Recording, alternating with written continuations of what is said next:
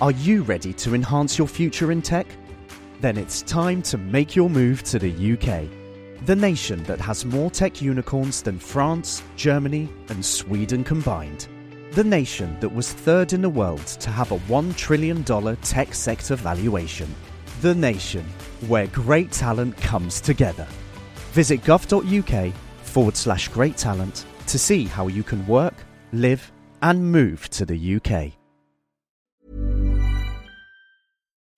Du som hører på Foreldrekoden, du har sikkert barn i hus, og eh, da er mobilregninga kanskje et eh, kjent, men ikke så veldig kjært tema. For det kan jo fort bli kaotisk å holde styr på hvem som har brukt hva, og hvor mye de ulike tinga koster, men det slipper du med familiepakka fra OneCall. Ingrid Hammertorp i OneCall, hva er det du får med denne familiepakka? Altså For det første så får du jo samla hele gjengen på én regning, og da er det jo mye lettere å ha kontroll på mobilbruken til hele familien. Og så er det jo ofte sånn at barna bruker litt mer data enn hos voksne, eh, så med familiepakka velger du en felles datamengde for familien, og så kan dere fritt fordele mobildataen mellom dere i løpet av måneden. Så hvis storesøster da har brukt litt mye data tidlig i måneden, så kan du enkelt overføre mer til henne fra fellespotten. Ja, og da gjør du alt gjennom OneCall-appen, da, eller? Ja, enten i appen eller på mine sider. I familiepakka så kan du ha opptil ti medlemmer, og jo flere dere er, jo billigere blir det per person. Eh, og selvfølgelig får du fri tale og SMS, og familiepakka den bestiller du på onecall.no.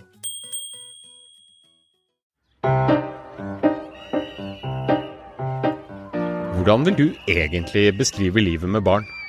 De fleste foreldre vil si at det er helt fantastisk, at det er det beste som har skjedd dem. Men i raske oppsummeringer så forsvinner gjerne grådagene. Vannkopper og omgangssyke, kolikknetter og klissete gulv, tåfis i gangen og tusj på veggen, brutte avtaler og smelling med dører, raserianfall og skolevegring og altfor mye gaming. Det store spørsmålet for mange gjør vi noe gærent? Lik det eller ikke, men det finnes ingen oppskrift på riktig barneoppdragelse. Men det du leter etter når alt virker fastlåst, er en nøkkel, en kode, for å løse problemet. Da har jeg en god nyhet til deg, for vi skal prøve å hjelpe deg.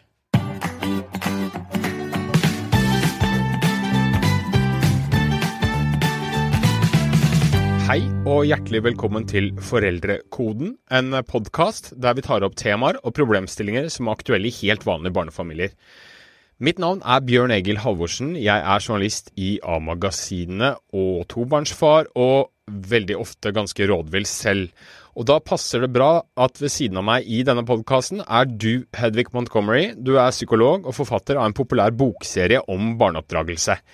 Hedvig, kan vi kalle deg en barneekspert? Ja, eh, min jobb er å hjelpe og veilede familier som står fast der de står akkurat nå.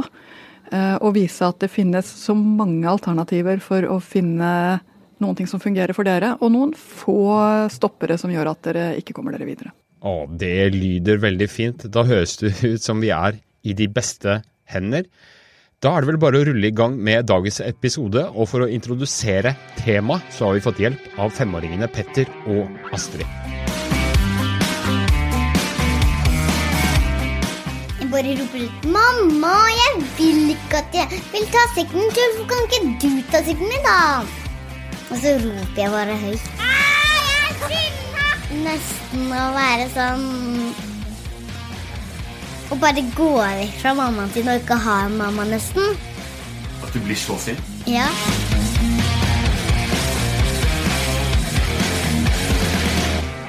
En gang så lekte jeg, men så var det en som tok leken som jeg lekte med. Eh, Jeg tror det var en telefon. Det var en lattertelefon. Når man blir sint, hva gjør man for å bli mindre sint igjen? Mm, hvis de andre gir en liten kos, og bare tenke at at man ikke har vært sint på noen, og da blir man ikke sur på noen lenger.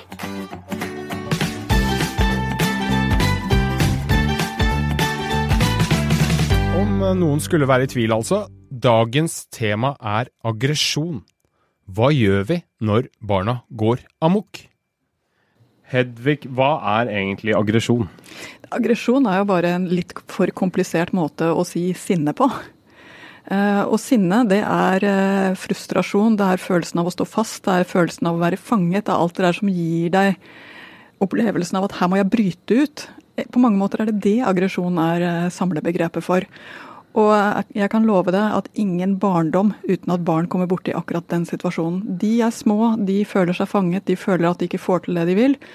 Og istedenfor å stoppe opp og holde en lang innledning om det, så kommer det ut i form av eh, på måter som du kanskje ikke har tenkt deg. Kanskje de ler istedenfor å, eh, å bli sinte. Kanskje de blir sinte på en måte som er utenfor det du syns er greit. Er aggresjon eller sinne, da, er det vanskeligere for eh, små barn enn det er for oss voksne? Alle følelser er vanskeligere for små barn å håndtere enn voksne. Du må huske på to ting. Det ene er at de er nybegynnere. De har gjort det veldig lite før. Og det andre du skal huske på, det er at de har en hjerne som ikke er ferdig utviklet.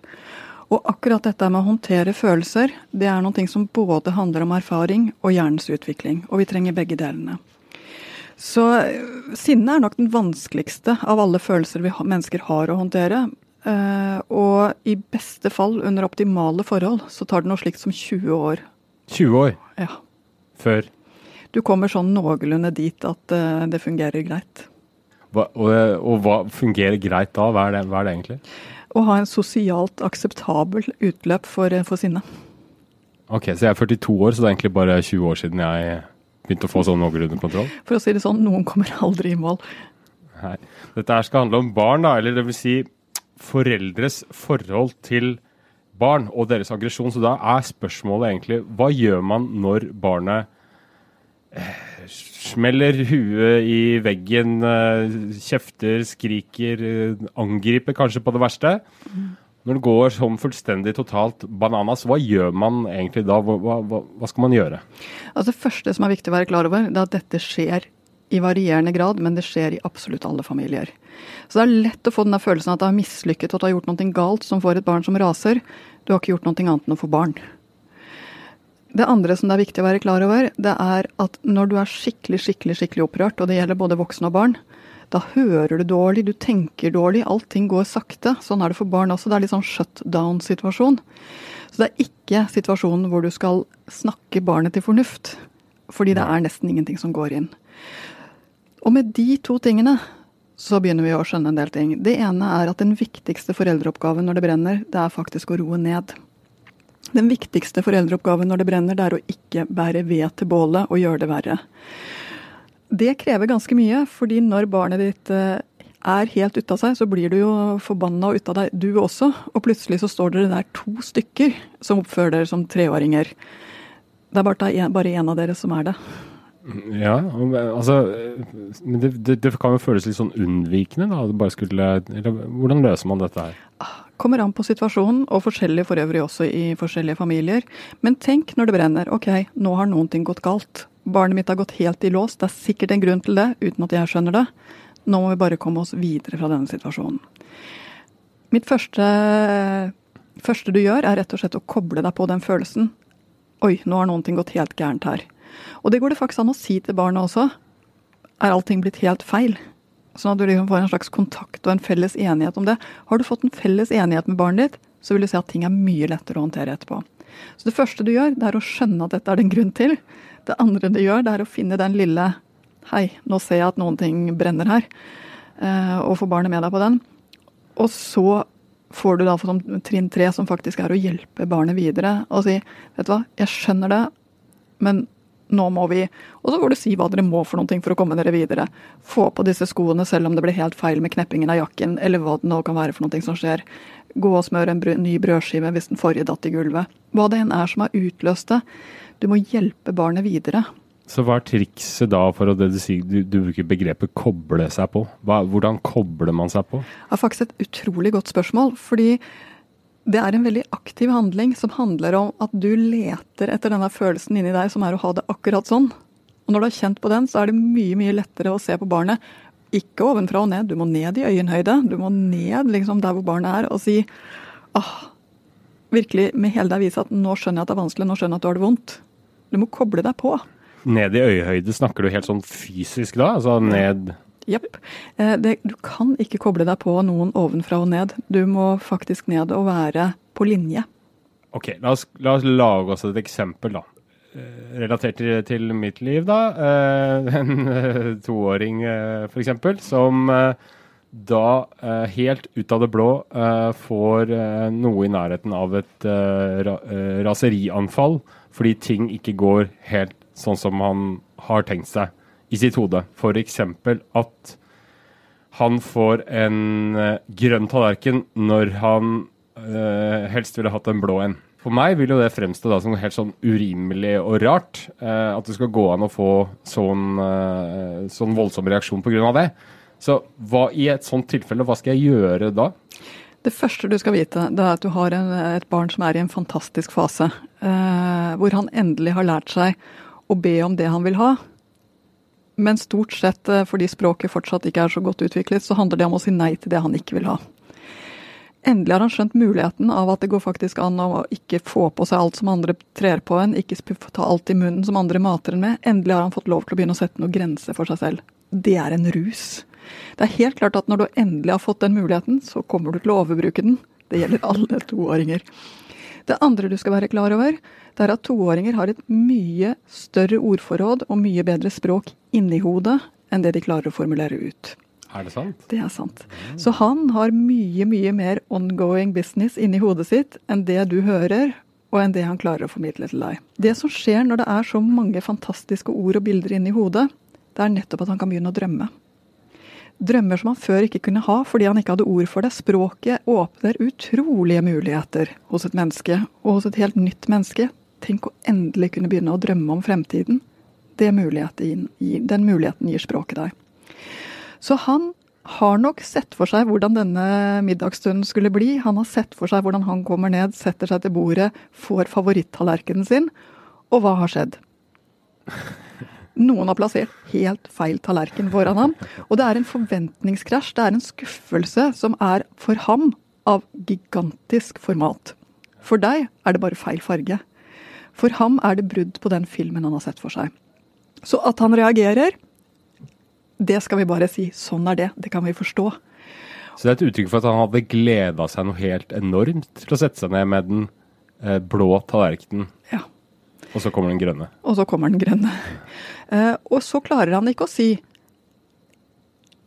Hele veien hjem i dag så gleda jeg meg til at vi skulle sette oss ned og spise noe av det beste jeg visste på min favorittfarge. Og så kommer du med den fargen jeg syns er bare kjedelig. Han klarer ikke å si det. Istedenfor så legger han seg ned på gulvet og dunker hodet og eh, lager utrolig mye mer lyd enn det man trodde det var mulig i en så liten kropp. Han er så skuffa. Helt uavhengig av hvordan vi snur og vender på det, så er toåringer nybegynnere. På å formidle, på å fortelle, på å forstå. Og det er også begrenset hvor mye de kan forstå, fordi de ser ting fra sitt eget perspektiv 100 De går aldri og tenker ah, hva tenker pappa nå når jeg skriker sånn for grønn tallerken? De går aldri dit at de tar ditt perspektiv, og det gjør dem helt annerledes å kommunisere med enn voksne som tenker ah, var litt flaut at jeg gikk bananas for at jeg fikk et eller annet feil.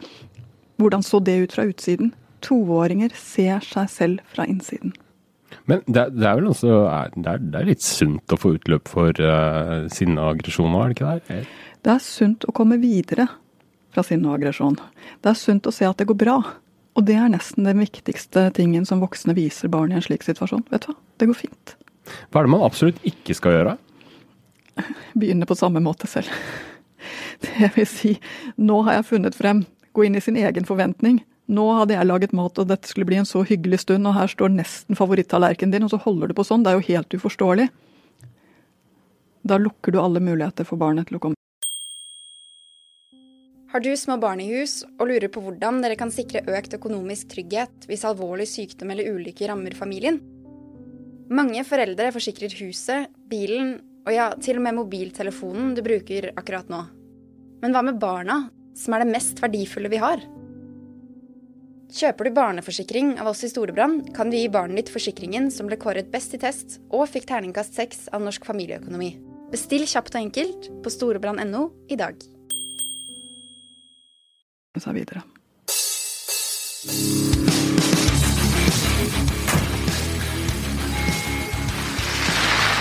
Ok. Dette høres jo veldig enkelt og greit ut i teorien, men nå har jeg tatt meg en eh, pause fra studio for å gå ut på gata i Oslo og snakke med mammaer og pappaer om ja, hva de faktisk gjør i hverdagen. Altså, hva gjør man når ungene eksploderer? Nei, kom igjen. Det viktigste er at man beholder roen sjøl som voksen. Eh, teller til ti. Yngstejenta hun har vært mye sint. Så vi har eh, prøvd å hente eh, tips og triks fra litteraturen. Og fra en veldig veldig teit eh, serie som gikk på TV som het Nanny 911. Hos Nanny 911 så hjalp det veldig, veldig bra med det som het timeout. Ja, Da skulle man fjerne eh, barnet og sette det, og så skulle barnet tenke over hvor sinna det hadde vært. Det funka veldig bra på TV, det funka ikke så bra hjemme hos oss. For vår var bare sint til hun sovna. Hvordan håndterer du sinne hjemme hos deg?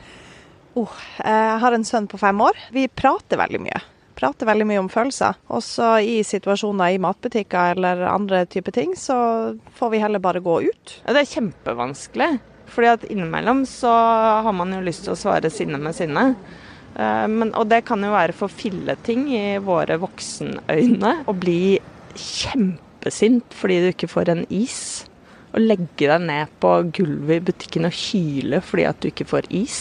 Prøve å se øynene og se hva kan ligge bak sinnet. Eh, prøve å se hva, hvor sinnet kommer fra, rett og slett. Fordi jeg tror Veldig ofte når man er sint, så er man frustrert. Fordi man vet kanskje ikke helt hva man skal si eller gjøre. Og det er kanskje det kan være å se i blikket. Blikket avslører veldig mye, er min erfaring. En, jeg tror det eneste som funker, er at de blir større. og få litt intelligens. Jeg tror det er viktig å være litt sinna òg, da. Jeg tror det er viktig å uttrykke følelser, både, både glede og, og sorg og sinne.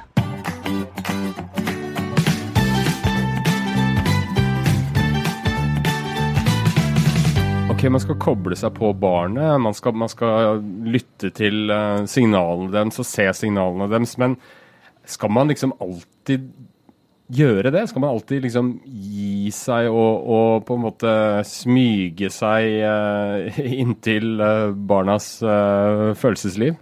Det er alltid du som er sjefen. og det er alltid du som har ansvaret. det betyr at det er du som har ansvaret for en løsning også. Så dette handler ikke om at det er barnet som skal få lov til å bestemme. Det betyr ikke at du nødvendigvis skal finne frem den blå tallerkenen. Men det betyr at du skal skjønne at det går faktisk an å bli lei seg for at den blå tallerkenen ikke står på bordet. Og det går an å løse den situasjonen også. Du er sjefen. Mange, eh, for ikke å si alle foreldre, har et forhold til den berømmelige trassalderen. Den eh, klassiske er jo ikke vil ikke, vil ikke, vil ikke spise suppe med skje, vil, vil, vil ha på Sherrox selv om det er sol og 300 varmegrader. Hva skiller aggresjon eller sinne da, fra denne berømte trassalderen? Du kan jo si at i eh, det vi kaller for trassalderen, altså akkurat denne to-treårsalderen hvor det er så mye vilje og så lite evne til å justere seg til verden rundt. En to-treåring forventer seg at verden rundt justerer seg til seg. Og de skal gradvis, gradvis lære seg at vi er i denne verden sammen, du og jeg. Det er det vi driver med i den aldersgruppen der. Fire-femåringer begynner å få et mye mer forhold til samarbeid, hva de skal levere inn, hva du leverer inn, eh, og blir mer å snakke med enn to-treåringen, og det er egentlig den største forskjellen.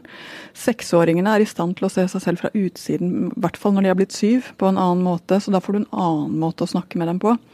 Så alt dette handler om å tilpasse seg barnas mulighet til å forstå hva som skjer, og å finne løsninger på problemet. For det de står oppi når dette bobler over for dem, det er faktisk et problem. Det er bare at vi ser sinne, vi ser ikke problemet. De ser problemet, og skjønner ikke hvorfor du tar så på vei av sinne noe har en tendens til, eh, eller kan fort da, i hvert fall, bli, eh, se ut som om det er et, et mønster. Altså gjentagende eh, former for, for sinne, eh, aggresjon, utfall, kloring. Eh, når skal man liksom være litt på vakt og tenke at er dette her egentlig atferdsproblemet vi snakker om her? Altså For det første skal du være klar over én ting. Alle barn oppfører seg mye dårligere når de er sultne og slitne. Ja, okay, ja. Eh, sånn at det å huske på at du som forelder faktisk har ansvaret for en ramme som det er godt å være barn innenfor, Det er noen ting å tenke på. Og det er ikke så tilfeldig at veldig mye av det som er minst vakkert, skjer når mamma og pappa er stressa og har dårlig tid og rett og slett ikke har, ikke har gjort de trinnene som skal til for at det går greit. Så mye ansvar hviler det på oss voksne. Eh, når jeg går inn og ser på mønsteret i familie, så er det nettopp det det handler om. Utageringene skjer i denne kritiske halvtimen etter henting i barnehagen og før middag, hvor alle er sultne og stressa. Eh, det verste skjer om morgenen når mamma har et møte på jobben og, rekke som betyr kjempemye for henne. Og derfor så blir allting litt klemt. Det er så veldig mye av det som ikke er spesielt vakkert i familier, eh, skjer med sultne, trøttende barn eller stressa voksne. Ja. Eh, så dette er noe å huske på, at det er noen år her hvor det å bruke tiden, se over rutinene, rett og slett legge til rette for at det ikke blir unødvendig støy, er ganske vesentlig. Ehm, det andre det er at ja, noen barn går litt forsiktig i følelsene sine. De bruker ikke så stort utslag. De, man må nesten hjelpe dem for i det hele tatt vise hvordan de har det. Mens andre barn bruker hele gata. De, eh, og man er aldri i tvil om hvordan de har det. De bare kjører på. Det ene er ikke noe bedre enn det andre. Det bare krever andre ting av deg som forelder. Noen barn trenger man å få lokket frem Sånn at man liksom får tak i hvordan det egentlig er, får litt kontakt med det. Mens andre barn trenger hjelp for ikke å dette i grøfta uh, med følelsene sine. Så uh, foreldreoppgaven handler litt om å ta det barnet du har fått, og ja. håndtere det. Og så pardanse seg gjennom uh, hverdagene. Lage hverdager som det er mulig å danse seg gjennom, og så tilpasse det barnet man faktisk har fått. Ja, jeg kalte den dansen her så veldig taktfull. Men, for, eh, for, å si det sånn, overalt hvor man plasserer mennesker tett sammen, så vil det på et eller annet tidspunkt bli konflikt. Det gjelder arbeidsplasser, det gjelder skoler, det gjelder uh, grendehus og det gjelder familier. At det i seg selv smeller innimellom, er ikke noe problem. Det er faktisk en del av det å komme nær hverandre. Så i utgangspunktet tenker jeg også at vi av og til er litt for redde for at det smeller. Og vi legger for mye kunnskap på barna når vi tror at de skal kunne håndtere dette godt allerede. Ja, så man vil helst eh, liksom ha en så smidig, smidig hverdag som mulig, og i det så lager man seg mekanismer for å styre unna de store smellene? Altså, det er i hvert fall ikke mulig å leve sammen som familie uten at det smeller. For hvis det aldri smeller hjemme hos dere, så er det fordi én tilpasser seg hele tiden. Eh, sånn er det i parforhold, sånn er det i familier. Og det er på en måte riktig at barna skal lære seg å si ifra om hvordan de vil ha det. Vi vil at de skal lære seg å sette grenser. Vi vil at de på et eller annet tidspunkt skal si nei til klassens bølle.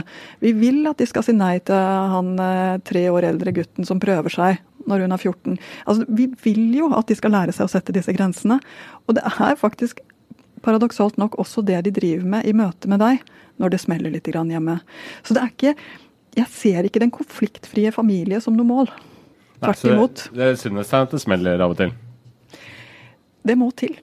Hvis vi skal summere opp um, det aller viktigste liksom for en forelder da, å, huske på i møte med sinne og aggresjon fra barna, hva er det?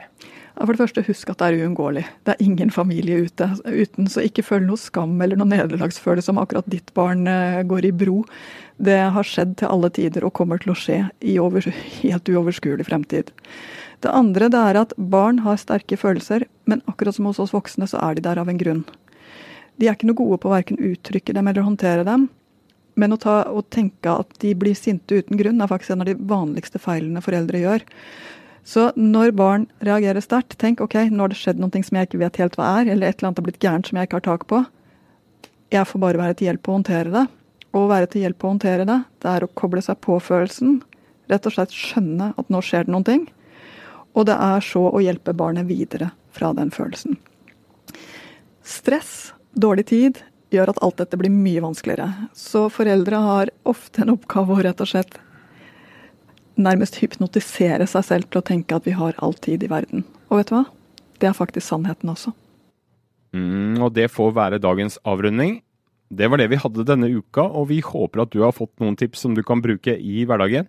Vi håper også selvfølgelig at vi høres igjen neste uke.